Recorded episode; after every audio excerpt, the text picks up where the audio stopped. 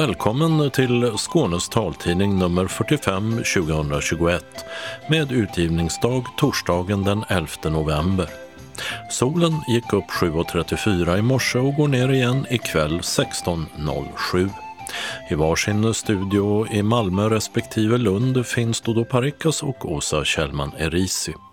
Tekniker är Martin Holmström och det här är innehållet. Internationell toppost till SRF Skånes ordförande Maria Torstensson, som blivit generalsekreterare för den europeiska synskadeorganisationen EBU. Man i Skåne förlorade synen på ena ögat efter uppskjutet återbesök på grund av pandemin. Radio SRF ligger nere. Programledaren har lämnat sin tjänst. Skånska regionpolitiker vill att coronapass ska användas i Sverige. Det går inte att ladda ner böcker via talbokstjänsten Legimus, säger en av våra läsare. Sajten fungerar som det ska, svarar Myndigheten för tillgängliga medier. Gratis opera på sand drar folk till Malmö konsthall. Funkar föreställningen för den som inte ser? Vi har testat. Landshövdingen hemlighöll sin synskada, men chauffören visste precis vilket stöd han behövde. Därpå en annons från Teater 23. Öppnat och stängt med stationsmat och återuppståndet ur. Evenemangstips så med syntolkning, regnbågskör och revy. Kalendern med danska val och Nilsson-stämma. Anslagstavlan den innehåller regionala och lokala meddelanden och inbjudningar samt ändringar i busstrafiken. Och sist kommer redaktionsrutan. Den europeiska synskadeorganisationen European Blind Union, EBU, har fått en ny generalsekreterare efter att den tidigare tragiskt gick bort häromveckan. Och ny generalsekreterare är SRF Skånes ordförande Maria Torstensson som också sitter i SRFs förbundsstyrelse. Det här är ett förtroendeuppdrag och någon flytt till högkvarteret i Paris blir det inte. Men kanske en och annan resa dit, även om det mesta av arbetet kan skötas från SRFs lokaler i Hör eller Marias hem i Färlöv utanför Kristianstad. Alltså jag är jätteglad för uppdraget och känner mig hedrad för att ha förtroendet. Samtidigt så är det ju på grund av att vår förra generalsekreterare dog för två veckor sedan och gick bort och eh, naturligtvis väldigt tragiskt. Så att eh, det finns det är dubbla känslor men det är väldigt roligt att ha fått uppdraget. Så det, det ser jag fram emot. Du har ju varit med i eh, EBU i två år nästan exakt och eh, nu är du generalsekreterare för hela organisationen. Det har gått väldigt snabbt. Jag kan väl säga att jag har väl tagit för mig helt enkelt och verkligen velat arbeta med frågorna och det har nog uppskattats. Så att eh, ja, det känns roligt. Och vad är dina arbetsuppgifter? Jag kommer att ta fram handlingar, ge förslag på en dagordning till styrelsemöten. Jag skriver protokoll på styrelsemöten och jag eh, planerar för kommande styrelsemöten eftersom vi har dem på olika platser varje gång ute i Europa. Så exempelvis nu i februari så kommer vi ha i Rom och i juni kommer vi ha, nästa år kommer vi ha i Malmö och i oktober kommer vi vara i Portugal. Och det ska ju planeras för det och bokas och beställas rum och konferensanläggningar och slingor och allt vad det är för någonting som ska vara. Och föreläsare om vi ska ha sådana. Så att det, ja, man sköter väldigt mycket runt omkring så att allting fungerar på ett bra sätt. Hur mycket plats är det för att driva frågor som du själv tycker är viktiga? Det har man ganska stor möjlighet att göra inom EBU. Men det man ska tänka på är att de här frågorna ska ju gärna täcka hela EBU som är 41 länder varav några stycken som inte ens är medlemmar i EU. Och det ska vara då frågor som, som gäller alla. Spretar det mycket vilka frågor man tycker är viktiga för synskadade runt om i de här 41 olika länderna? Nej, men exempelvis elsparkcyklar är ju inte ett lika stort ämne i andra länder för där är det kanske inte det stora problemet utan där kanske det är andra saker som är större problem och då så kanske inte det ligger högst upp på, på listan. Utan det största kanske hos dem är kanske att arbetslösheten är katastrofalt stor eller kanske ytterst få som får arbete och då, då är naturligtvis det kanske ännu viktigare. Så det kan ju spreta lite grann men samtidigt så är det oftast i alla fall samma frågor hela tiden som kommer och går och är mer eller mindre aktuella på olika platser. Och hur ser du på EBUs möjligheter att påverka på Europanivå? De ser jag som goda. Vi sitter ju med i European Disability Forum som är då det organ som eh, arbetar med våra frågor eh, tillsammans med EU och är ju med som remissenhet och svarar på remisser och, och så vidare. Och är det frågor där vi kan vara involverade så är vi det. Exempelvis har vi nu fått en fråga på grund av den här klimatkonferensen som precis är och har varit.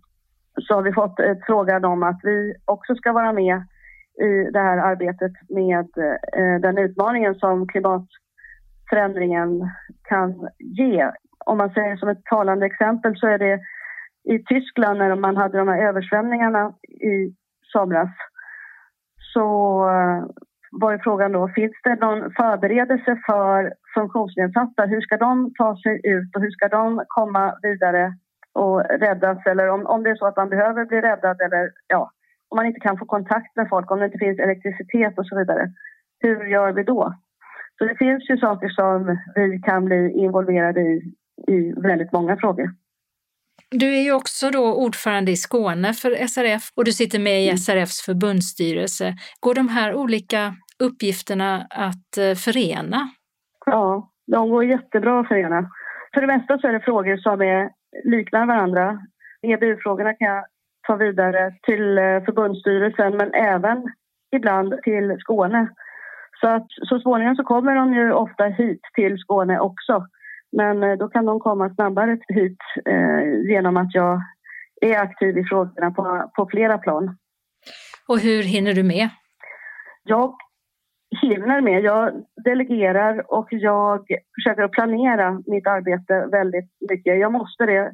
Jag måste ha lediga dagar emellan. När jag har haft ett helguppdrag då måste jag ha en eller två dagar ledigt. För annars så går det inte. Utan det, det är bara så. Och när man väl har kommit in i det så, så är det inget svårare än något annat egentligen. Utan att det är planering och delegering som gäller för mig. Hur stort är engagemanget inom EBU i de här 41 olika länderna? Är man engagerad för frågorna? Väldigt olika och det är en sån sak som vi arbetar med hela tiden, konstant. Det är ju att få fler länder aktiva. Det är jättemånga som är aktiva, absolut. Men det kan naturligtvis bli fler. Och det är det att det ska synas på samma sätt som SRF. Allting som man vill sprida, det måste ju synas på ett bra sätt. Och det är så man kan lära folk att vi finns och att vad vi kan hjälpas åt att genomföra och åstadkomma. Och eftersom det är ett fyllnadsval som Maria Torstensson valts in på så är hon vald fram till hösten 2023 då nästa generalförsamling äger rum. Och en sak hon skulle vilja åstadkomma, förutom de arbetsuppgifter som ingår, det är att också göra det enklare för nya styrelsemedlemmar att komma in i arbetet. Men sen så vill jag också få fram handlingar där man som ny i EBU-styrelsen ska kunna sätta sig in i hur saker och ting fungerar, hur, hur man arbetar på de olika planen med de olika frågorna och så vidare. Man ska inte behöva sitta och gissa sig till saker och ting eller ha kunskapen innan, för det har de flesta inte. Så det skulle jag vilja att det finns en sån handling. Det är väl ett av mina mål, men jag vill främst klara av mina arbetsuppgifter såklart. Och det här med att du vill att det ska finnas en sån handling där man kan se hur, hur man jobbar och eh, vad som förväntas och så. Är det en mm. erfarenhet från när du själv började för två år sedan? Ja, det är det. Absolut. Det sa Maria Torstensson, nyvald generalsekreterare i European Blind Union, EBU. Och organisationens ledningsgrupp där hon ingår består också av en första respektive andra ordförande samt en president. Reporter var Åsa Kjellman Erisi. En man förlorade synen på ena ögat under pandemin eftersom uppföljningen av hans diagnos dröjde samtidigt som han själv slutade med att använda trycksänkande medicin som han fick för att motverka biverkningar av kortisonbehandling av sarkoidos. Detta är en sjukdom som gör att vissa celler bildar minimala cystor i organ eller vävnader, till exempel lungor eller ögon. När mannen upphörde med den trycksänkande medicinen och inte fick någon uppföljning i vården så försämrades synen och han blev blind på ena ögat. Skånes universitetssjukhus SUS menar att det som hänt hade gått att undvika och har gjort en anmälan till IVO, Inspektionen för vård och omsorg. Där SUS konstaterar att det var de långa väntetiderna under pandemin som orsakade händelsen. Sjukhuset säger sig också ha infört rutiner som ska ge bättre information till patienterna för att minska risken för att dessa avbryter sin behandling för tidigt, skriver Kvällsposten. Den digitala radiokanalen Radio SRF som produceras på SRFs rikskansli i Stockholm ligger nere sedan månadsskiftet. Detta eftersom journalisten och ljudproducenten Joakim Kohlman har lämnat sin tjänst. SRFs pressekreterare Åsa Nilsson säger till taltidningen att programmet ska komma tillbaka, men inte redan denna vecka. Så till coronaläget i Skåne, där yngre och medelålders personer dominerar bland de nysmittade, medan det är få fall bland de över 70 och bland personal inom vård och omsorg. När detta nummer av taltidningen produceras är antalet inlagda patienter i Skåne med konstaterad covid-19 marginellt högre än förra veckan. Från förra veckans 31 till 34. Två personer får intensivvård. 97 nysmittade per dag är den aktuella siffran. Men provtagningen har minskat med närmare en fjärdedel sedan 1 november eftersom vaccinerade inte längre uppmanas att testa sig vid symptom. Regionens smittskyddsläkare Eva Melander poängterar att det är positivt att så få behöver intensivvård och att antalet nyintagna på sjukhus inte rakat i höjden. Hon understryker också att det fortfarande är viktigt att stanna hemma om man får en luftvägsinfektion. Två skånska regionråd, liberalen Gilbert Tribot, ordförande i hälso och sjukvårdsnämnden och Moderaternas Anna Manfalk, som är nämndens förste vice ordförande, har gjort ett politiskt utspel där de menar att regeringen enligt dansk förebild bör föreslå användande av coronapass inom Sverige för att motverka smittspridningen. Vaccinering mot säsongsinfluensa har dragit igång och de som är 65 år eller äldre, är gravida efter vecka 16 eller har ökad risk att bli svårt sjuka rekommenderas att vaccinera sig mot influensan. Den som är 65 till 79 år och önskar ta den tredje dosen mot covid-19 samtidigt som influensavaccinet kan göra det ifall det gått minst ett halvår sedan dos 2.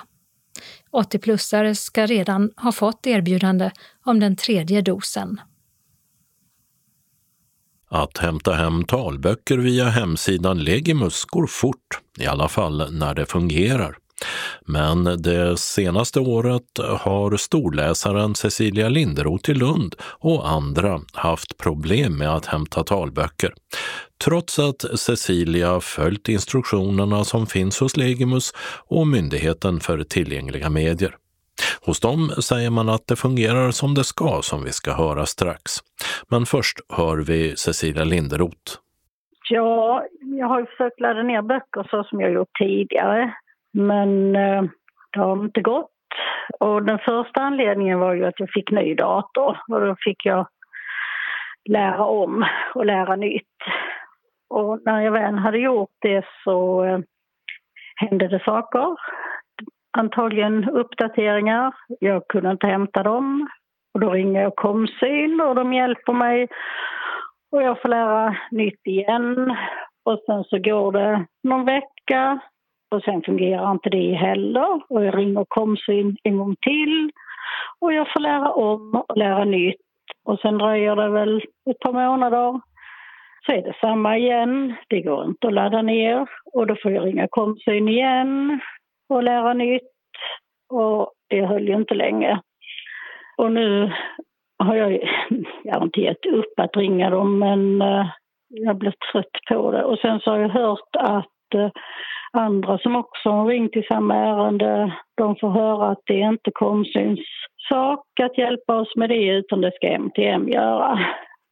Och jag har en väninna som ringde MTM och de var ganska vaga och lite funderande och eh, ja, du kan ju prova med det och det kortkommandot. Och då tänkte jag nej, jag får väl själv lusläsa Legimussidan. Så det har jag gjort och försökt följa deras instruktioner hur man ska göra när man ska ladda ner numera. Och det funkar inte. Du har, berättade du innan, du har en PC med JAWS, alltså skärmläsare. Ja. För ja. du ser ingenting, är det så lite Nej, så att använder? Ja. Och så har du använt eh, Bokhämtaren, ett program för att hämta böcker. Men det funkar inte längre. Nej.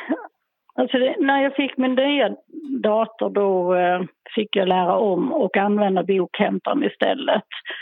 Och eh, det fungerar inte längre när man använder JAWS. Har jag fått reda på. Då ska man använda något som heter zip-fil och ladda ner och sen packa upp. Och eh, jag får inte till det. Nu har jag suttit ett par timmar idag och försökt följa deras manual punkt för punkt hur jag ska göra. Alltså MTMs manual då. Ja, ja precis. Och jag får inte till det. Min dator säger inte vad MTMs manual säger att den ska säga. Och eh, när jag ger kommando till min dator så, eh, så lyder den inte.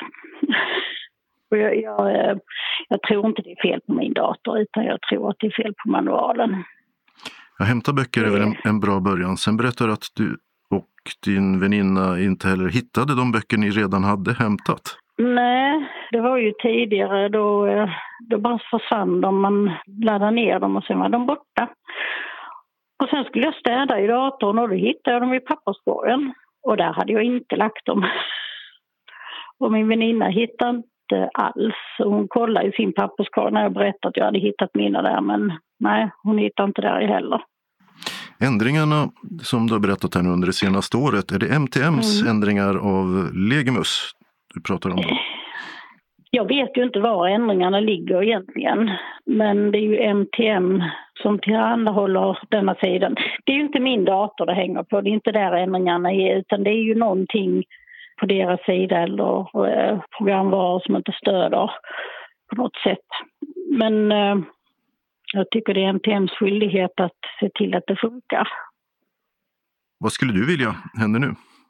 Ja, jag vill att det ska vara en lättillgänglig, enkel manual hur man laddar ner böcker själv utan allt för många steg. Peder Bollinger är ansvarig för Legimus på Myndigheten för tillgängliga medier. Nu har du hört Cecilia Linderoth. Vad säger du? Ja, jag säger att det är tråkigt såklart att Cecilia inte eh, kommer åt våra böcker så lätt som man hade önskat. Eh, Vi vill ju naturligtvis att alla våra läsare ska komma åt vårt material så smidigt och lätt som möjligt. Så att, eh, att hon inte gör det på ett smidigt sätt, det, det, det är ju inte bra. Eh, det jag skulle vilja rekommendera Cecilia och andra som har problem med att komma åt eh, våra böcker via Legimus, det är att kontakta vår svarstjänst som finns på plats just för att eh, hjälpa till när, när det inte fungerar så smidigt som, som man hade önskat.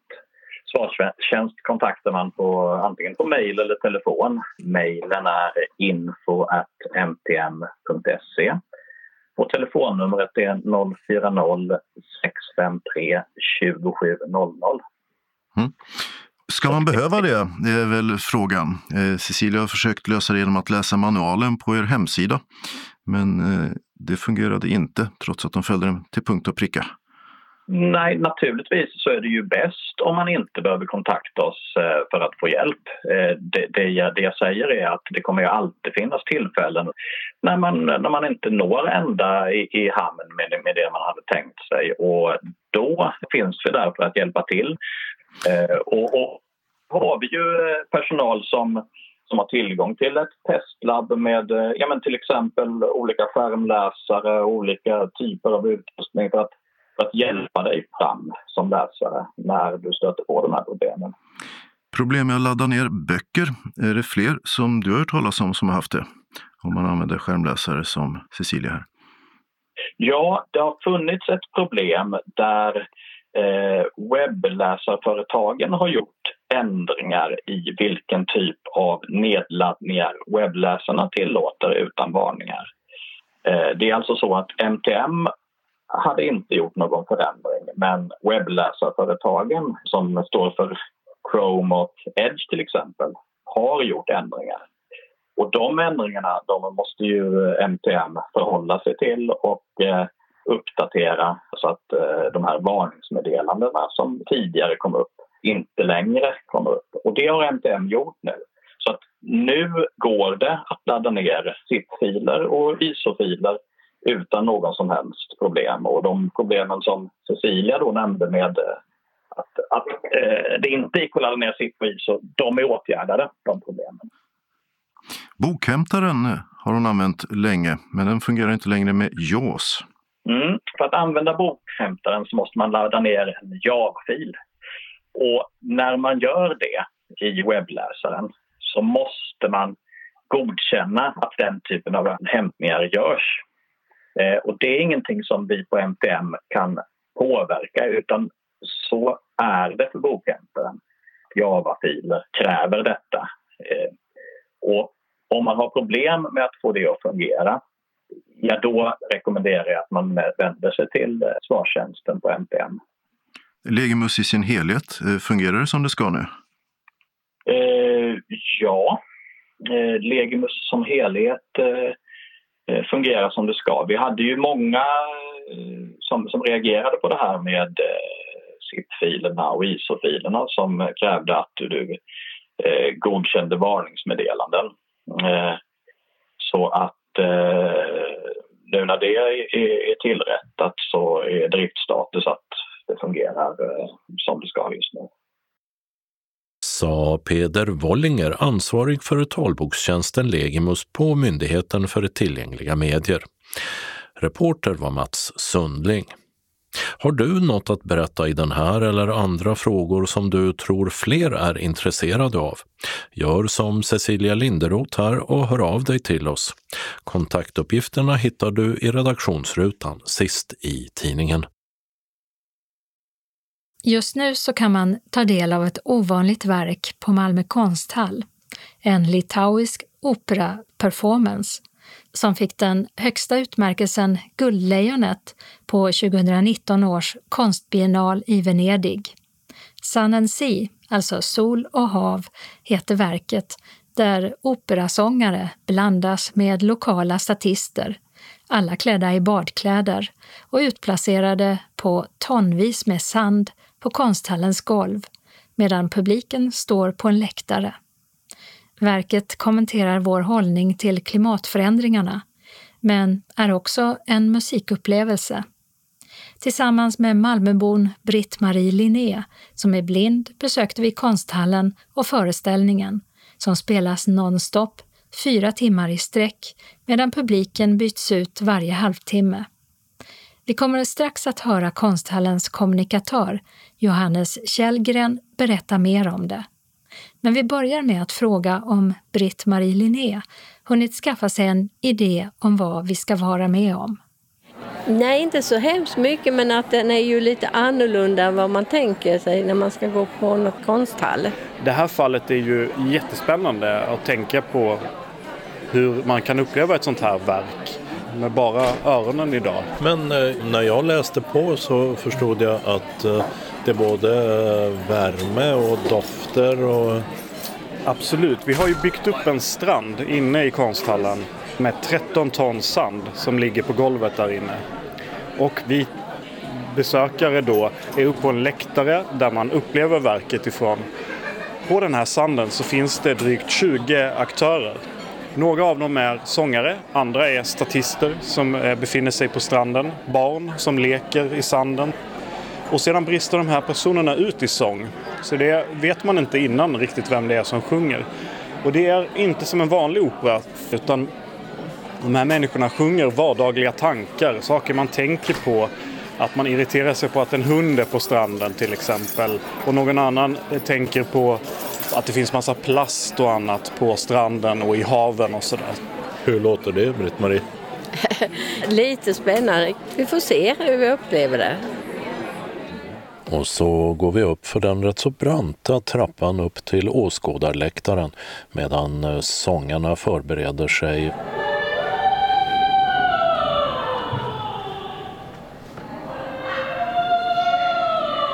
Är det bara en som sjunger upp sig?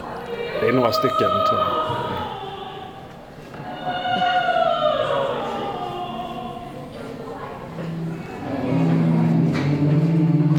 Ja, folk kommer in på stranden, det är barn som äh, leker. Ja, synetolkar lite för Britt-Marie Linné. Små barn stojar men sjunger inte.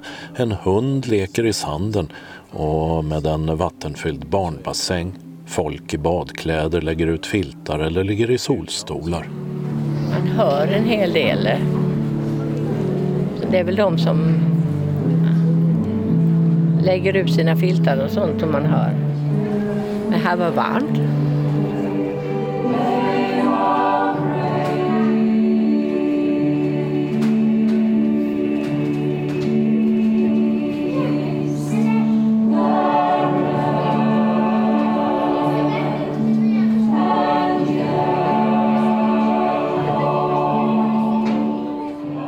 Det enda som fattas vid denna konstgjorda strand av rengjord sand är havet.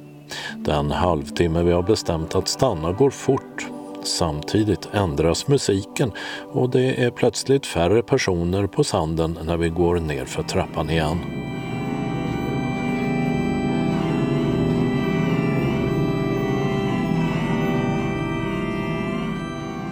Och nu väntar konstnären bakom verket, Rugile Barjukaiti och producenten Erika Urbelevic på oss samtidigt som det visar sig att både de och konsthallens kommunikatör Johannes Källgren har frågor till Britt-Marie Linné om hur hon upplevde föreställningen som fortsätter på andra sidan skärmväggen.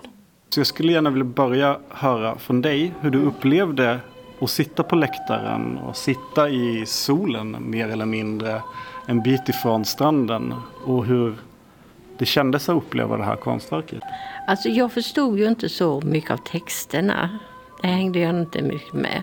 Men däremot hörde jag dem, alltså barnen och lite grann vad som hände där nere. Men utan att Dudda hade berättat så hade man inte riktigt kunnat hänga med.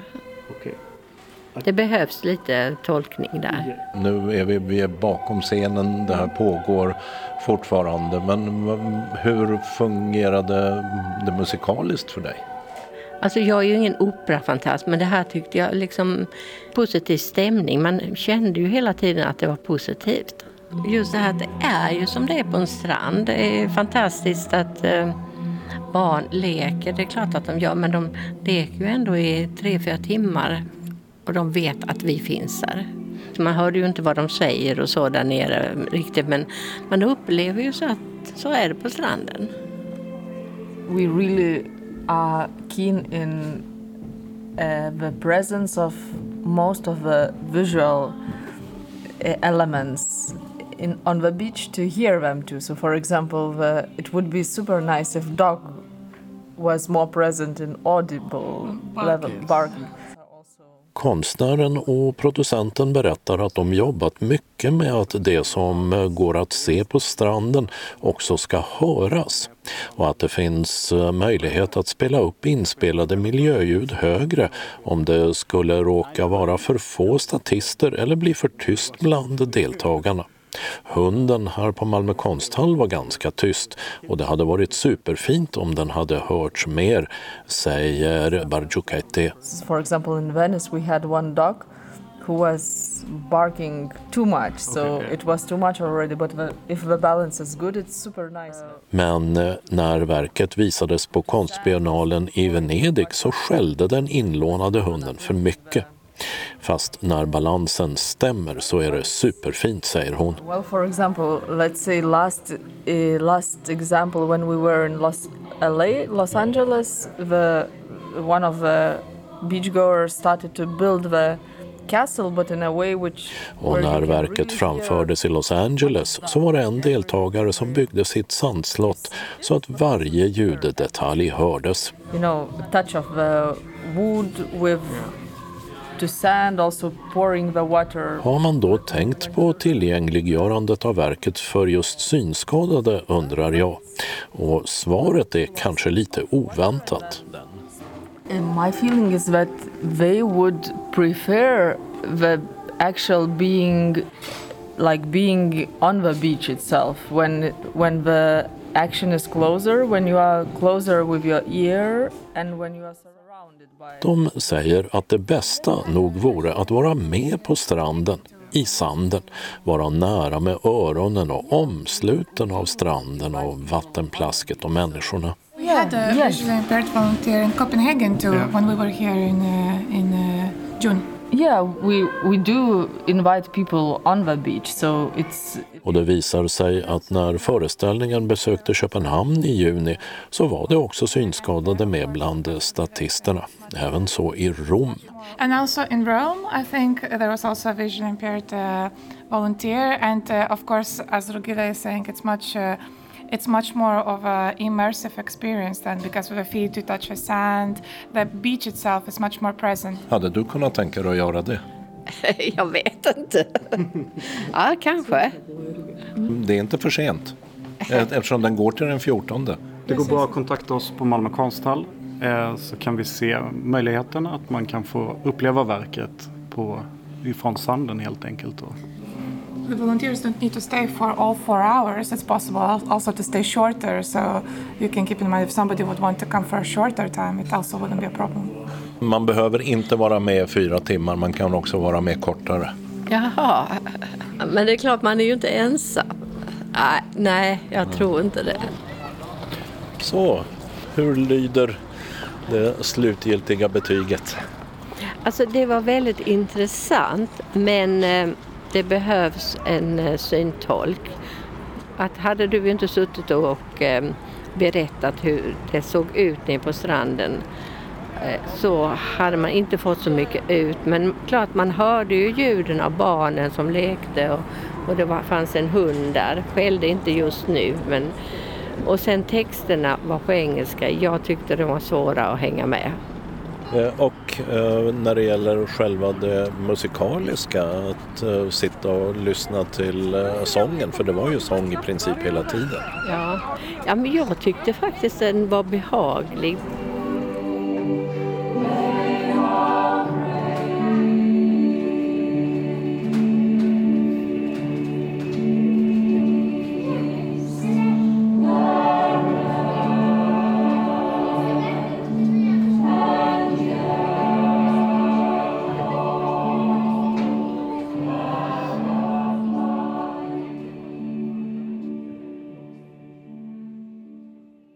Den som är intresserad av att vara med som statist på den konstgjorda stranden i föreställningen kan ringa Malmö konsthall, telefon 040-34 60 00 senast fredagen den 12 november och höra om det finns några lediga platser.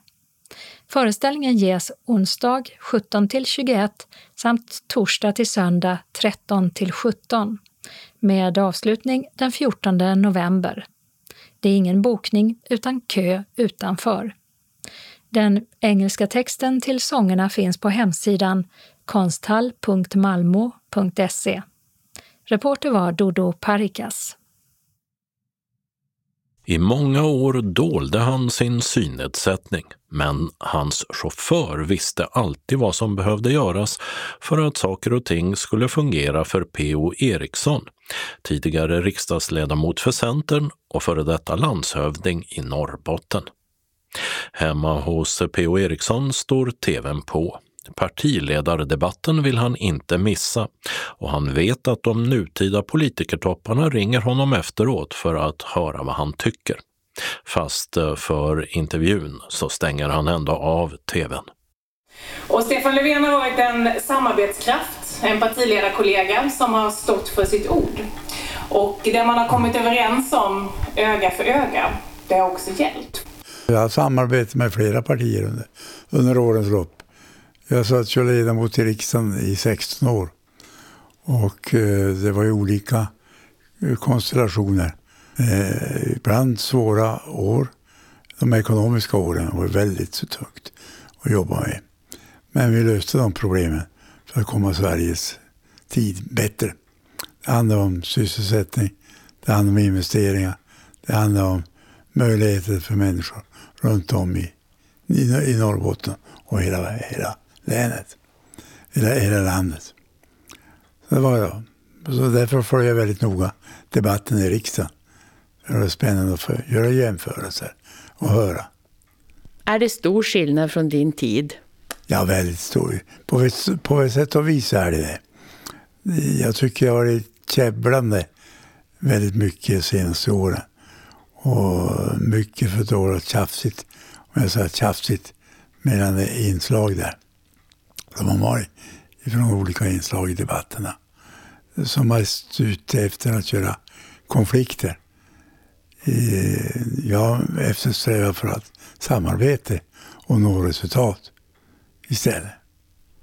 Var det enklare att vara landshövding då och vara så att säga opolitisk än att ha en politisk agenda? Ja, men jag kommer ihåg att som landshövding så jobbar man för hela länet och nå lösningar mellan varandra i länet. Samarbeta mellan länet. Det är som ett uppdrag förstås från regeringens sida. Men jag måste också kunna använda det för att nå resultat. Gå längre i olika frågor som kanske inte är stöd från regeringen. Men vi tycker att det här är viktigt och då lyfter man då sådana frågor. Till exempel Norrbottensfrågor är viktigare än en del andra eh, Stockholms planerade eh, åtgärder. När du tittar tillbaka på din karriär, vilka är de frågor som du är stoltast över för att du har drivit eller kanske genomfört? Ja, jag tror det är den stora saneringen av statsfinanserna. Det var tufft. Uh, svåra år. Och många partier stod vid sidan av och inte ville gå in i debatter. Men jag är beredd att sätta oss mellan varandra, mellan partierna för att nå resultat. Så att samarbetet de åren i det politiska livet, det var att nå resultat. Kompromisser för lösningar, kompromisser för att må bra för Sverige som nation. Det är de roligaste åren i, i mitt politiska liv. Sista året, det var ju ett nära samarbete med Socialdemokraterna. Med ett mycket så ett gott samarbete mellan varandra och nå, nå resultat. Förståelse för varandra och nå också resultat. Men du kommer från Kalix ursprungligen. Jag är från Kalix från början. Det är inte helt säkert att du skulle bli politiker och landshövding. Nej, jag skulle bli bonde och eh, gick på lantbruksskola. Och gillade alltid djur. Kossor och hästar. Och så mark och jorda. Mark och skog ska skötas. Vad betyder skogen för dig? Det betyder mycket. va. Att för ett levande skogsbruk och jag är också mån om att utveckla bra skog.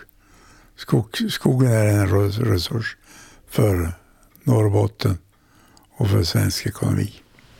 Och du gick på lantbruksskola först? Jajamensan. Och sen så efter det så skulle vad heter det, vad heter det, värnplikten först. Och sen ska jag tillbaka då Men sen eh, blev jag engagerad i politik. Så att jag var involverad i ungdomsförbundet. Blev ordförande i ungdomsförbundet i Norrbotten. Och eh, för Centerns ungdomsförbund. Och så blev jag mer och mer. Kom in i landstinget som landstingsledamot där en gång i tiden då. Och sen så blev jag då riksdagsledamot.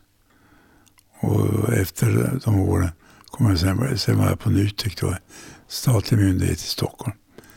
På en riksnivå. Och sen kom jag till landshövding också. Det var min karriär. Men du P.O. under din tid som landshövding så började synen försämras. Vad var det som hände? Ja, jag har en grön starr. Sådär, och eh, det blir sämre och sämre. Så att jag upptäckte det någon gång på början på 80-talet. Eh, sen blev det mer och mer. Och nu de senaste åren ännu, ännu sämre. Så att, eh, ja. Vad innebär det för dig? Ja, det är en begränsning förstås. Eh, tänka mig för ordentligt vad jag, vad jag går och ser. Jag ska sitta ner framåt och sådär. Under min tid på lands, Länsstyrelsen så var jag mycket god med, goda medarbetare som visste mitt problem. Och eh, Johan Liakan som var min chaufför och god, gott med, god medarbetare. Han visste precis vad jag hade för problem. Han kunde stå på saker och ting och gå emot och alltihopa. Men han lotsade mig hela tiden. Och alla förstod inte det där.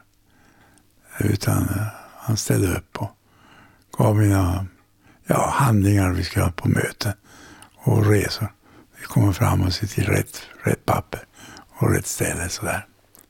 Var du öppen då med att du höll på att bli ja. synskadad? Eh, jag sa inte så mycket då från början. Utan eh, jag mörkade väl så att säga. Jag kunde inte köra bil. Men jag hade hjälp av medarbetare som körde, mig, körde bil. Och min fru som då levde fortfarande, då hade, hjälpte hon ju till mig väldigt mycket. Under resor och be, besök och sådär. Så hon var en väldigt stor tillgång för mig. Men hon gick tyvärr gick hon bort då, för, för tre år sedan. Vilket år var det det uppdagades din synnedsättning? Ja, det var i början på 80-talet. Eh, något sånt där. Där de började upptäcka att jag såg sämre på en, ett öga. Och var tvungen att åka till Boden. Och jag remitterade dit. Och de konstaterade att det var en sämre, eh, sämre öga på höger sida. Höger öga. Och sen fick jag eh, åka till Stockholm på ett möte. Träffa läkare där. Konstatera att det är sämre. Men man vet inte hur utvecklingen har blivit. Från början var det inte mycket stor förändring. Utan det, nu har det blivit sämre och sämre under, under årens lopp. Man kan säga att de tre senaste åren var det väldigt dåligt. Har det blivit. Du är 75 år nu. Ja. Mm. Snart. Ja. Grattis i förskott. Men eh, det är alltså, du har haft det i många år då? 30 år eller 40 år? Ja, eller? ja, ja precis. precis. Mm. Ser du på det andra ögat bra då? Nej. Ser väldigt dåligt på det höger sida. Eh, och sen vänster är sämre också. Stora delar ser jag inte alls. Andra jag bättre. Hur har det påverkat ditt dagliga liv? Du är ju pensionär nu sedan ja, länge tillbaka. Ja, då får man ju hjälpa det själv. Jag har ju hemtjänst som hjälper till. Eh, men min dotter är här ofta. Flera gånger om eh, veckan träffar ju min Marianne. Min, min dotter kommer hit. Och eh, jag besöker henne varje, pratar med henne varje dag. Flera gånger om dagen. Ska börja göra någonting och besöker det göra insatser på något sätt. Så tacksam för hennes insatser. Jag kan tänka mig att en kille som du har läst väldigt mycket, ja. dokument och, och ja. handlingar av olika slag och böcker och så. Hur, hur funkar det nu? Ja, jag lyssnar på radio. Väldigt mycket nu på radio. Och lyssnar på eh, telefonen också. På tidningarna direkt. Och jag lyssnar dagligen på alla program som jag kan lyssna. Då väljer jag ut. Det ligger en tidning här framför ja, dig. Ja. Har du en Daisy-spelare eller har du en, någon slags läsplatta? Eller? Ja, en Daisy-spelare. Ja, det är bra. Och så har jag mycket samtal per telefon. Jag har mycket samtal hit. Och besökare. Och sånt ringer jag själv till vänner och bekanta idag. För att kolla upp läget. Vad som händer i saker och, till, saker och ting. Vad pratar ni om då? Ja, allt möjligt. Allt ifrån mm, dagsaktuella frågor. Allt från väder och sånt. Nej, men sen till politik och, och så när jag var på riksdagen så lyssnade jag på debatten i riksdagen. Och så hörde vi om, om, om sådana saker efteråt. Jag misstänker att idag kommer det till ett samtal. Efter dagens debatt i riksdagen så kommer det några kompisar kommer ringa och ha synpunkter på debatterna och höra vad vi tycker om frågan. Är det några politiker, kändisar som ringer då? Jajamän, oh ja. Ja. Hela gänget. Få höra. Ja, Annie Lööf regelbundet, Maud Olofsson, Göran Persson exempelvis. Olof Johansson, Åke Pettersson, tidigare partisekreterare. Under min tid i riksdagen mycket. Så det är, det är bara några exempel. Nu har jag varit flera gånger i, vad heter det, Kalix, eh, följt med jakten och eh, mina kollegor, älgjägarna. Jag jagade ju älg förut under min, mina år. Det kan jag inte göra nu, men jag följer med dem.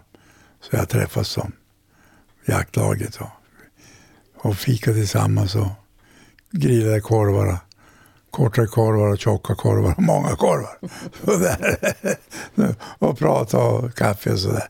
Väldigt trevligt var Om du hade varit politiker i riksdagen nu, hade du sett annorlunda ut på synskadefrågorna? Ja, det är svårt att säga hur det kunde bli. Men jag hade väl följt debatten mycket nära då. Och synpunkter på vad man måste förbättra för villkoren då. Med människor med synskadeproblem. Tycker du att de frågorna drivs bra i Sverige idag? Ja, jag är svårt att säga det. Men ja, det tycker jag nog att man hjälper till. Medverkar till bättre villkor. Men man måste själv också erbjuda sig själv att göra också för att kunna vara med. Så även om man får sämre syn så kan man göra mycket saker, många saker ändå. Det berättade Per-Ola P.O. Eriksson för Eva-Marie Svensson, reporter på Norrbottens taltidning Insyn. Så har vi en annons från Teater 23. Illuminati, Andersson. Illuminati? Världens hemligaste organisation. Det sägs att Illuminati sedan mer än 200 år styr världen i tysthet. Möt kollegorna Dr Blom och Dr Andersson, två zoologer som kan det mesta om naturen, i synnerhet om dagmaskarnas spännande liv. De båda doktorerna har nu bjudit in till en hejdlös och intensivt underhållande föreläsning som kommer att revolutionera hur vi ser på djuren som lever bland oss. Det finns nämligen en hemlighet som inte djuren vill att vi människor ska veta om. Alla bevis pekar på detta, om man bara vet hur man ska tolka tecknen. Den stora konspirationen är ett fantasifullt och absurt stycke föreläsningsteater om vilda konspirationsteorier, hemlighetsfulla sammansvärjningar och om att bygga upp sin egen alternativa bild av verkligheten. Med halsbrytande fart, humor och lekfullhet tar våra zoologer med sig publiken på en resa ner i kaninhålet och tillbaka upp igen. Teater 23 bjuder på familjeföreställningen Den stora konspirationen 21 november klockan 14.00 på Motettens Folkets hus, Munkhättegatan 202 i Malmö. Föreställningen är cirka 50 minuter lång och därefter finns en stund där man kan fika och prata lite med skådespelarna. Kom gärna i god tid, senast 20 minuter innan föreställningen, för att få mottagare och hörlurar i lugn och ro och så att du hinner lyssna på introduktionen om du inte redan gjort det i förväg. Syntolkningsintroduktionen går att läsa och lyssna på på teater23.se och därefter klickar man vidare till den stora konspirationen. Säg till personalen när du är på plats att du önskar syntolkning så löser vi allt därefter. Du kan boka biljetter via syntolkning teater23.se senast torsdagen den 18 november. I mejlet skriv antal biljetter du önskar, ditt namn och telefonnummer. Välkomna! Öppnat och stängt. I Malmö flyttar Skånes universitetssjukhus SUS logopedimottagning till nya lokaler på Östra Varvsgatan 11 i Västra hamnen. Flytten inleddes den 8 november och ska vara avslutad den 17. Samtidigt stängs den tillfälliga mottagningen på Stadiongatan som funnits sedan februari. Det fullständiga namnet är öron-näsa-halsmottagning logopedi. I Malmö har hemtextilkedjan Hemtex öppnat på Gustav Adolfs torg 4. På Helsingborg C, tidigare Knutpunkten, har en handfull nya restauranger öppnat. På andra våningen finns Kitchen Floor, ett restaurangtorg där hamburgerstället Brödernas, som hållit öppet ett tag, nu fått sällskap av The Green Station som bland annat serverar poké bowls och matkorsningen Sushi Burritos. Eld och vin grillar kött, grönsaker och fisk. Sala Siam säljer asiatisk gatumat medan Stella Alpina satsar på italienskt. I Trelleborg har en gammal mötesplats återuppstått genom att Gula klockan återinvigts i Stortorgets sydvästra hörn. Klockan revs 1959 och det är föreningen Gamla Trelleborg som drivit frågan om en ny klocka. Och den har liksom den tidigare samma gulbeiga färg som SJ hade på sina bussar för länge sedan. I Västra Vemmenhög har kyrkan återinvigts efter att ha varit stängd i många år. Kyrkan har renoverats eftersom det blev en spricka i byggnaden och orgeln skadades i samband med den jordbävning som drabbade Skåne 2008. Evenemangstipsen börjar med några nya program som syntolkas i TV4. Det första programmet i dramaserien Knutby sänds i TV4 klockan 21 ikväll, torsdagen den 11 november. Och serien fortsätter sedan i totalt sex avsnitt varje torsdag kväll samma tid fram till den 16 december. Serien är regisserad av Goran Kaptanovic som senast regisserade den omtalade tv-serien Kalifat. Tittarna får i detta fiktiva drama följa händelserna som ledde fram till det tragiska mordet och mordförsöket i Knutby i januari 2004.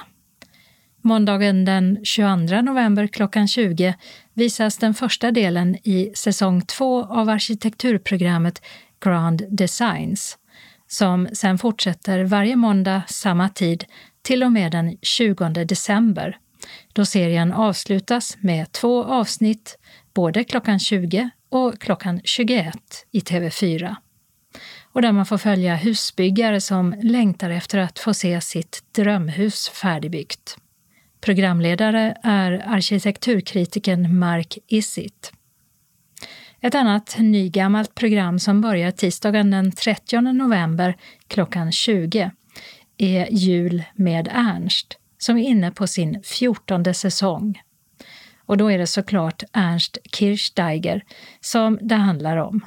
Det blir fyra avsnitt som sänds de kommande tisdagarna fram till tisdagen den 21 december. Och det sista programmet går dessutom i repris på lilljulafton klockan 14. Vi fortsätter med syntolkade program och då från UR. Andra säsongen av Uppdrag framtid för grundskolans årskurs 0 till 3 visas söndagar 14.00 på SVT Barn. Hela serien finns även på UR Play. Serien presenterar unga hjältar som Youtube-gänget Boys från Viken som vill stoppa matsvinn.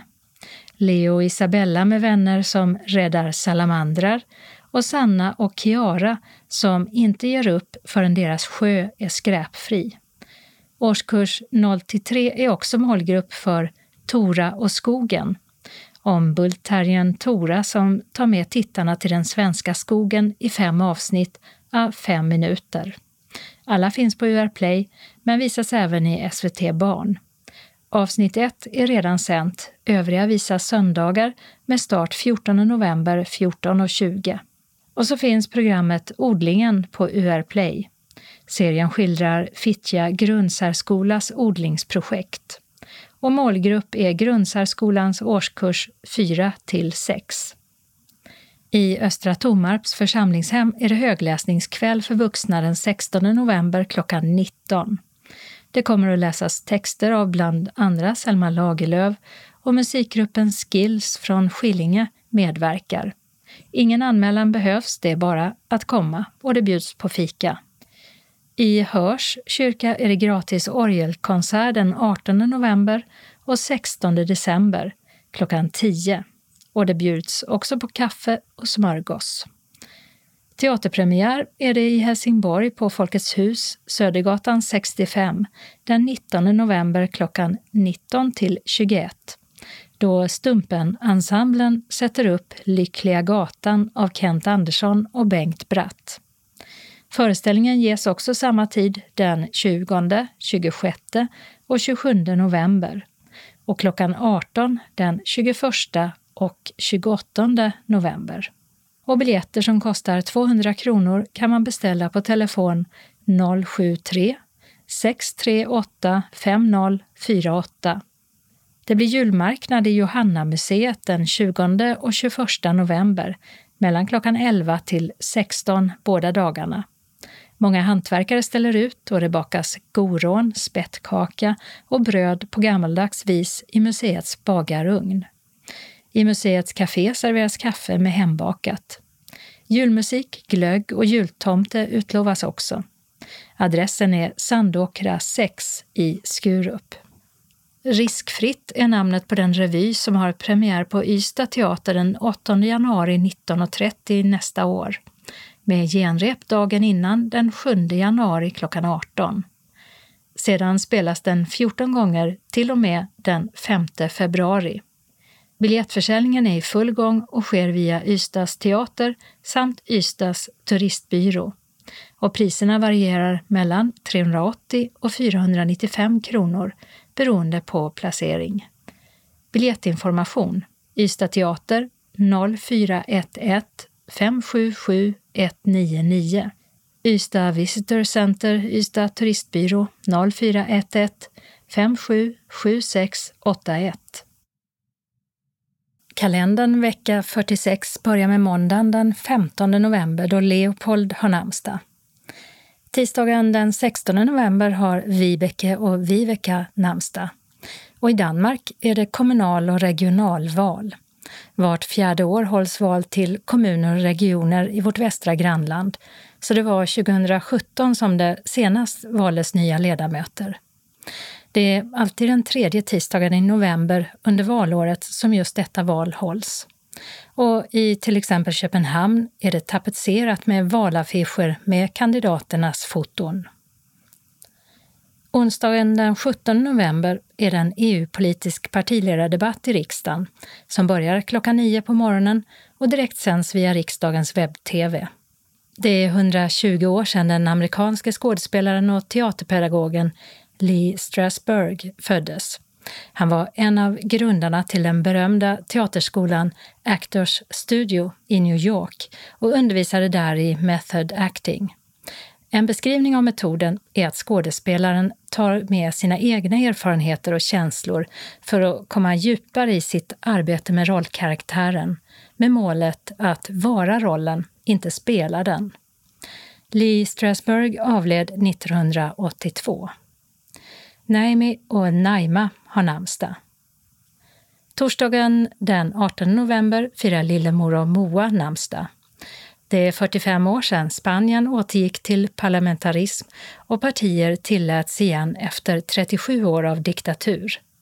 Det var efter diktatorn Francisco Francos död 1975 som utvecklingen mot en fungerande demokrati gick snabbt. Idag har landet en regeringschef, premiärministern och en statschef som är kungen. Men den verkställande makten har ministerrådet som leds av premiärministern. I Lettland firas nationaldag.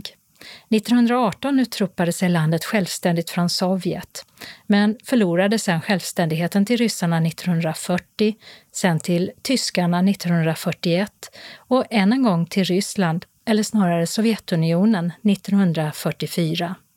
Men för 30 år sedan återfick Lettland sin självständighet.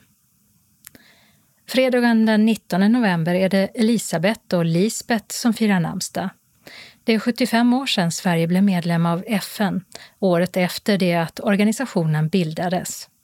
Sverige är en av de största bidragsgivarna till FN och uppfyller FNs biståndsmål, som är 0,7 procent av bruttonationalinkomsten, eller som det förkortas BNI.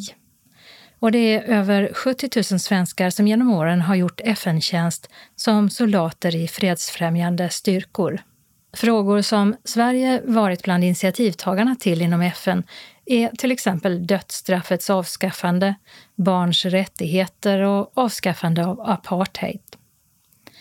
Det är också världstoalettdagen som handlar om att ägna en tanke åt alla de personer som lever utan toaletter och värdig hygien och agera för fungerande sanitet. Sedan år 2000 är det även Världsdagen mot barnmisshandel som uppmärksammar utsatta barn världen över. Syftet är att öka medvetenheten om övergrepp mot barn, mobilisera den allmänna opinionen och sprida förebyggande handlingsprogram mot övergrepp. Och det är också den internationella mansdagen då bland annat mäns hälsa uppmärksammas. Den amerikanska skådespelaren Meg Ryan fyller 60 år. Hon har medverkat i otaliga filmer. When Harry Met Sally, You Got Mail, When a Man Loves a Woman är bara några exempel.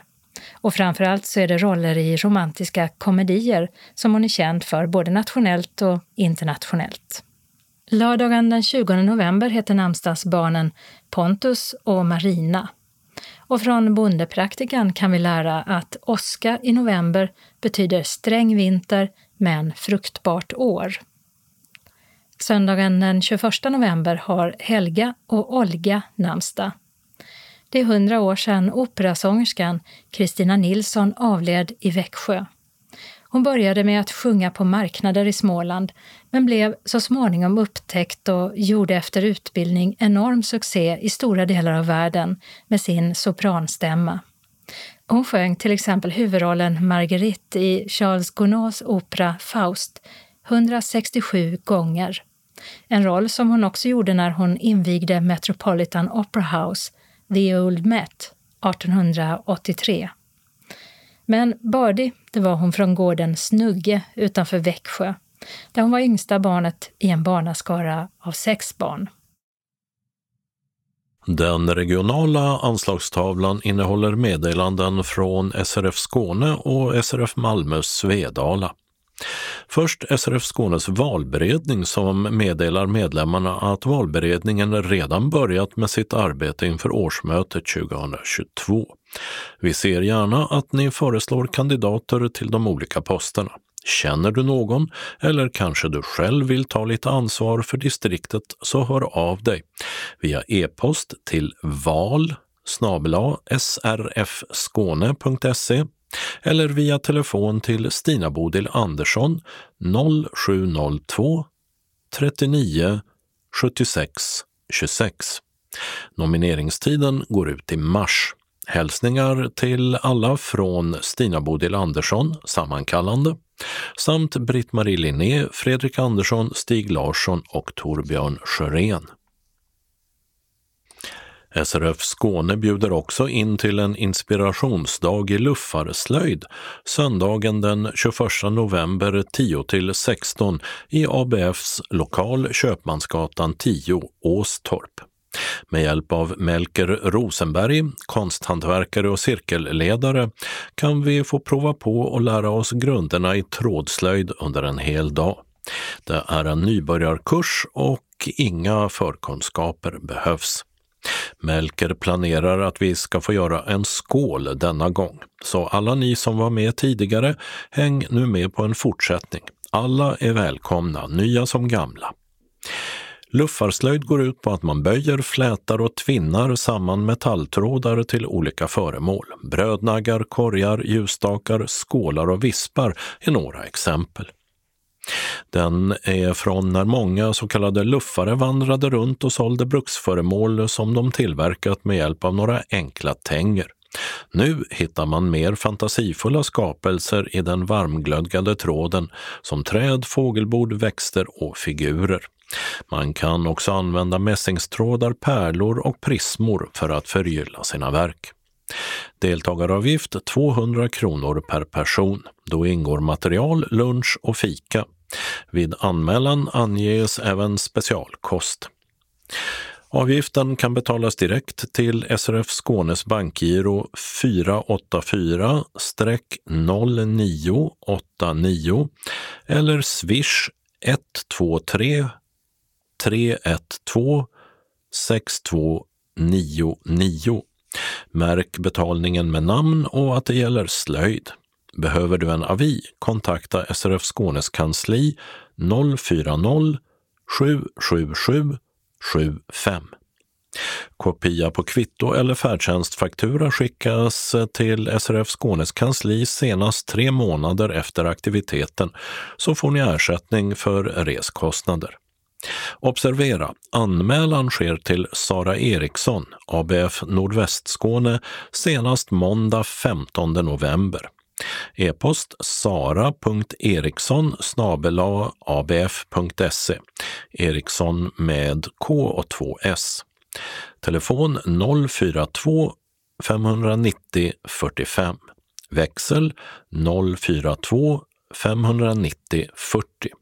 Berätta om du har någon matallergi när du anmäler dig. Uppge namn, adress, postnummer och ort, personnummer samt e-postadress. Sara svarar även på frågor om kursen.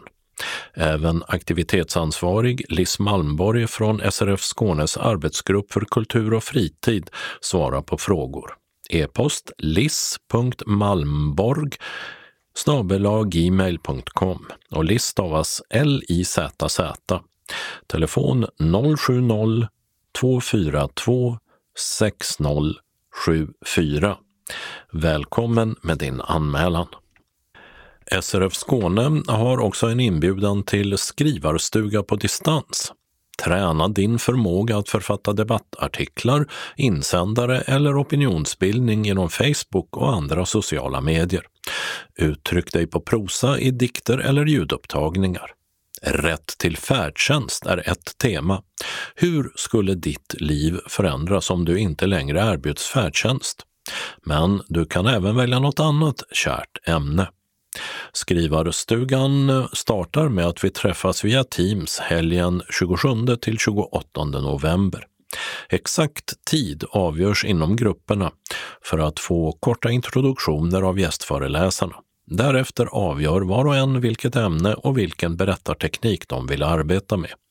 Deltagarna väljer alltså att hamna i olika grupper som leds och inspireras av skrivpedagoger. En viktig del i skrivarstugan är temat nyhetsvärdering och hur man får sin röst hörd och uppmärksammad i olika medier. En debattredaktör, insändarredaktör, lär gruppen Insändare Debatt att nå fram till opinionsbildare. En skrivcoach ger tips på hur man uttrycker sig kreativt och engagerande. Sista anmälningsdag måndag 15 november. Uppge namn, adress, postnummer och ort samt e-postadress och telefonnummer. Aktivitetsansvarig är Jan-Olof Asp 070 554 36 28 Svarar på frågor även via mejl jan-olof.asp outlook.com. Anmälan sker till SRF Skåne, telefon 040 777 75 eller e-post srfskane srfskane.se. Bekräftelse och deltagarförteckning skickas ut efter sista anmälningsdag. Varmt välkomna hälsar arbetsgruppen Kultur och fritid. SRF Malmö Svedala inbjuder till en trevlig Fritiof Nilsson Piraten eftermiddag fredag 3 december 13.00 i lokalen Wendels-Fridsgatan 13, Malmö. Det är Anna-Lena Brundin och Jan Sigurd som ger en föreställning runt ett piano om Fritiof Nilsson Piraten, kryddad med piraten-inspirerade låtar och piaff-sånger. Detta med anledning av Jan Sigurds bok Kalla min barndom åter. Piraten pratade och läste franska flytande och vurmade för fransk kultur, inte minst mat. Det blir underhållande anekdoter, humoristiska skrönor och nya biografiska fakta om författarens sista akt i livet. Kostnad för underhållning och danska smörrebröd samt alkoholfri dryck är 100 kronor för medlemmar i SRF Malmö Svedala. I mån av plats är även medlemmar från övriga Skåne välkomna. Då blir priset 150 kronor. Man kan betala till swishnummer 123 077 80 50 men det går också bra med kontanter på plats. Färdtjänsthem kan beställas till 15.30. Anmäl dig på 040 25 05 40 eller e-post info srfmalmo.se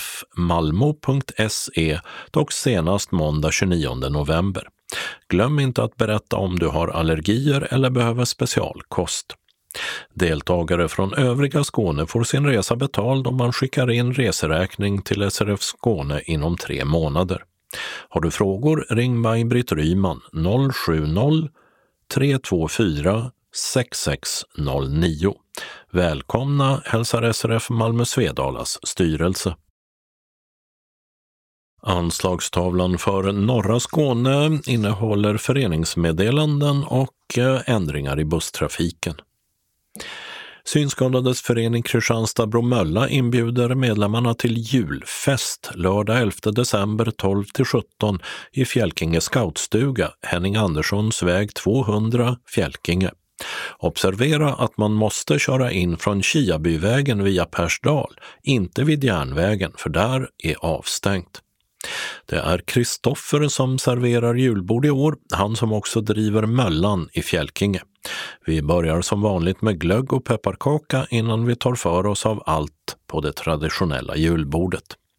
Pris 250 kronor som betalas till bankgironummer 899 9245 efter anmälan till Tina, telefon 070 635 41 14 senast onsdag 1 december.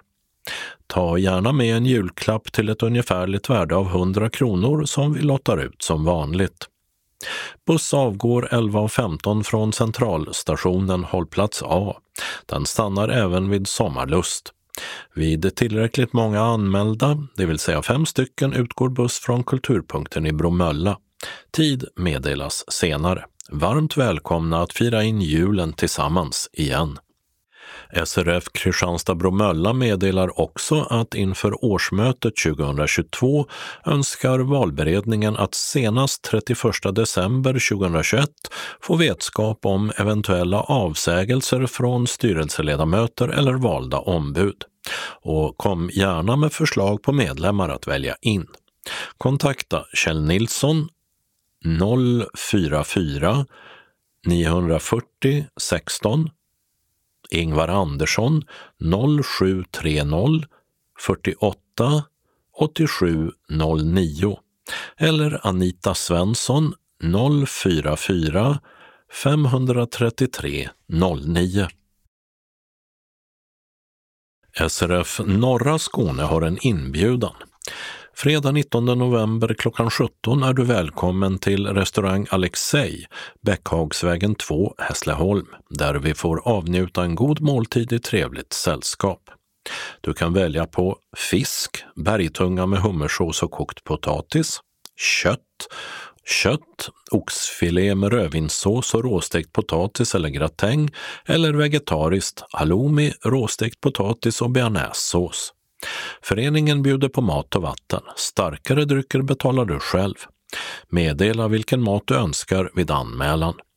Anmäl dig senast tisdag 16 november till Anna-Lena Pekkile, mobil 070 36 00 647. E-post alp.ledarhund gmail.com. Hjärtligt välkomna önskar styrelsen. SRF Västra Skåne bjuder in till julbuffé fredag 3 december 15.00 till 18 på Söderåsens värdshus, Risekattslösa vägen 9, Billesholm. Om du inte vill ta färdtjänst avgår en buss från SRFs lokal Vaktgatan 3, Helsingborg klockan 14.15. Hemkomst till SRFs lokal 18.45. Deltagaravgift 200 kronor för medlemmar i SRF Västra Skåne, 400 kronor för övriga. Sista anmälningsdag måndag 22 november klockan 12 till kansliet 042 15 83 93 eller e-mail srf.monica telia.com. Glöm inte att meddela om du vill åka med i bussen och eventuella matallergier. Välkommen! Synskadades riksförbund Ängelholm Båstad bjuder in till årets sista öppna hus den 24 november mellan 14 och 16 på Torgträffen, Gasverksgatan 25, Ängelholm. Vi träffas för social samvaro och fika. Du behöver inte anmäla dig utan kan bara komma till torgträffen. Vi bjuder på fika. Undrar ni över något så är Marianne ansvarig för detta och kan nås på 070 710 45 79 eller mariannejonsson95 gmail.com. Jonsson stavas med två s, skrivs ihop med Marianne som ett ord och det hela följs av en nia och en femma. Varmt välkommen! Så några ändringar i busstrafiken som först gäller Härlöv där det pågår arbete på Långebrogatan till och med 14 november klockan 16 som vi redan berättat om. Och nu har även hållplats Olof Molins väg läge A som ersatt Slättängsskolan läge C stängts. Hänvisning till Karpalund, byggare Nyström läge A, cirka 1700 meter framåt i färdriktningen eller Långebro läge A, cirka 1400 meter bakåt motsatt färdriktningen. Ett alternativ är linje 549 mot Kristianstad från Slättängsskolan läge B med byte till bussen mot Färlöv vid Långebro läge A. Dubbelspårsbygget mellan Maria och Ängelholm påverkar busshållplats Utvälinge Skeppsvägen i bägge riktningar för linje 225. För läge A hänvisas till kryssvägen läge A 550 meter bakåt motsatt bussens färdriktning på Lovartsvägen och för läge B till kryssvägen läge B 600 meter framåt i bussens färdriktning. Det här gäller till 28 februari klockan 18. Och underhållsarbetena på Terminalgatan i Helsingborg som skulle avslutas på nyårsafton är redan klara. Och Skåneexpressen 10 har fått en ny permanent hållplats kallad Läge Y i östlig riktning på Trädgårdsgatan. Anslagstavlan för sydvästra, mellersta och sydöstra Skåne innehåller meddelanden från SRF Malmö Svedala och ändringar i busstrafiken. SRF Malmö Svedala välkomnar till sin dagverksamhet vecka 46. Vi serverar kaffe och smörgås eller kaka till en kostnad av 10 kronor. Vi vill att alla anmäler sig till kansliet telefon 040 25 05 40 om man tänker komma på någon dagaktivitet senast klockan 10 samma dag som aktiviteten. Känner man sig sjuk stannar man hemma.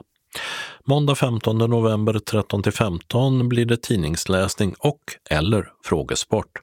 Och tisdag 16 november 13 15.15 blir det bingo. SRF Malmö Svedala välkomnar också till sopplunch på föreningen fredag 26 november klockan 13. Vi bjuder på ärtsoppa och pannkakor och avslutar med kaffe och en liten kaka. Är du medlem i SRF Malmö Svedala får du det här för 30 kronor. Icke-medlemmar betalar 50. Färdtjänst hem kan beställas till 14.30. Vill du vara med? Anmäl dig på telefon eller mejla info srfmalmo.se senast tisdag 23 november.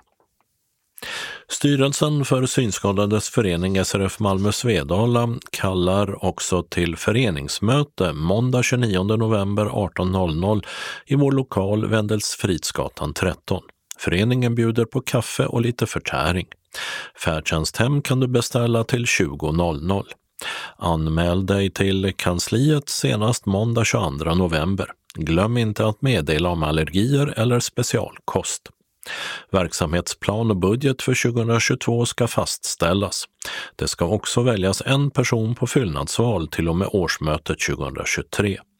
Vill du ta del av förslag till verksamhetsplan och budget så tala om det när du anmäler dig. Hjärtligt välkommen önskar styrelsen. Så har vi några tillfälliga ändringar i busstrafiken som gäller Malmö, Västra Ingelstad, Trelleborg och Lund. Det vägarbete på Rudbecksgatan i södra Malmö som vi nämnt tidigare gör att hållplats Rudbecksgatan läge A mot Elinegård för stadsbuss 1 flyttas 25 meter framåt i bussens färdriktning. Arbetet är klart 30 november klockan 15. I Västra Ingelstad är det VA-arbeten på Kyrkovägen till och med 19 november klockan 16. För hållplats Västra Ingelstad station och linje 144 och 379 hänvisas till en tillfällig hållplats utanför församlingshemmet 550 meter österut på Ingelstadsvägen. Månstorps ängar, läge A, är avstängt för linje 144 mot Anderslöv och linje 379 mot Östra Grevie. Hänvisning till Bröddarp läge A 800 meter åt nordost eller tillfällig hållplats utanför församlingshemmet cirka 1200 meter åt sydost på Ingelstadsvägen. Månstorps ängar läge B är avstängt för linje 144 mot Malmö och 379 mot Vellinge. Hänvisning till Bröddarp läge B eller den tillfälliga hållplatsen utanför församlingshemmet. I Trelleborg pågår underhållsarbete av en bro mellan Klövervallsgatan och Glasbruksvägen. För hållplats Österlid läge B hänvisas stadsbusslinje 2s resande till Nyhemsgatan läge B, 350 meter österut på Östra Ringvägen. För regionbuss 190 hänvisas till Trelleborg C och Köpingegatan läge A. 17 november klockan 16 ska arbetet vara klart. Och i Lund är hållplats Järnåkraskolan läge A stängd 15 november 07.00 till 17 november 16.00 med hänvisning till läge X cirka 40 meter bakåt motsatt bussens färdriktning på Mellanvångsvägen. Sedan stängs Studentlyckan läge B den 17 november 07.00 till 22 november 16.00 med hänvisning till läge Y cirka 40 meter framåt motsatt bussens färdriktning. Och detta gäller stadsbuss 7. Anledningen är hållplatsombyggnad. Och det var allt för det här numret. Nästa nummer av Skånes taltidning kommer torsdagen den 18 november. Skånes taltidning ges ut av Region Skånes psykiatri och habiliteringsförvaltning. Ansvarig utgivare är Martin Holmström. Postadress Jörgen Ankersgatan 12, 211 45 Malmö.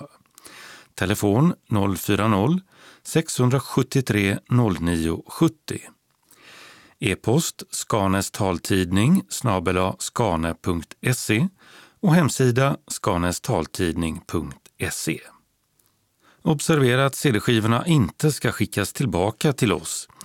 Såväl skivor som kuvert kan läggas i brännbara sopor när ni inte längre vill ha dem. Vi hörs igen. Hej då!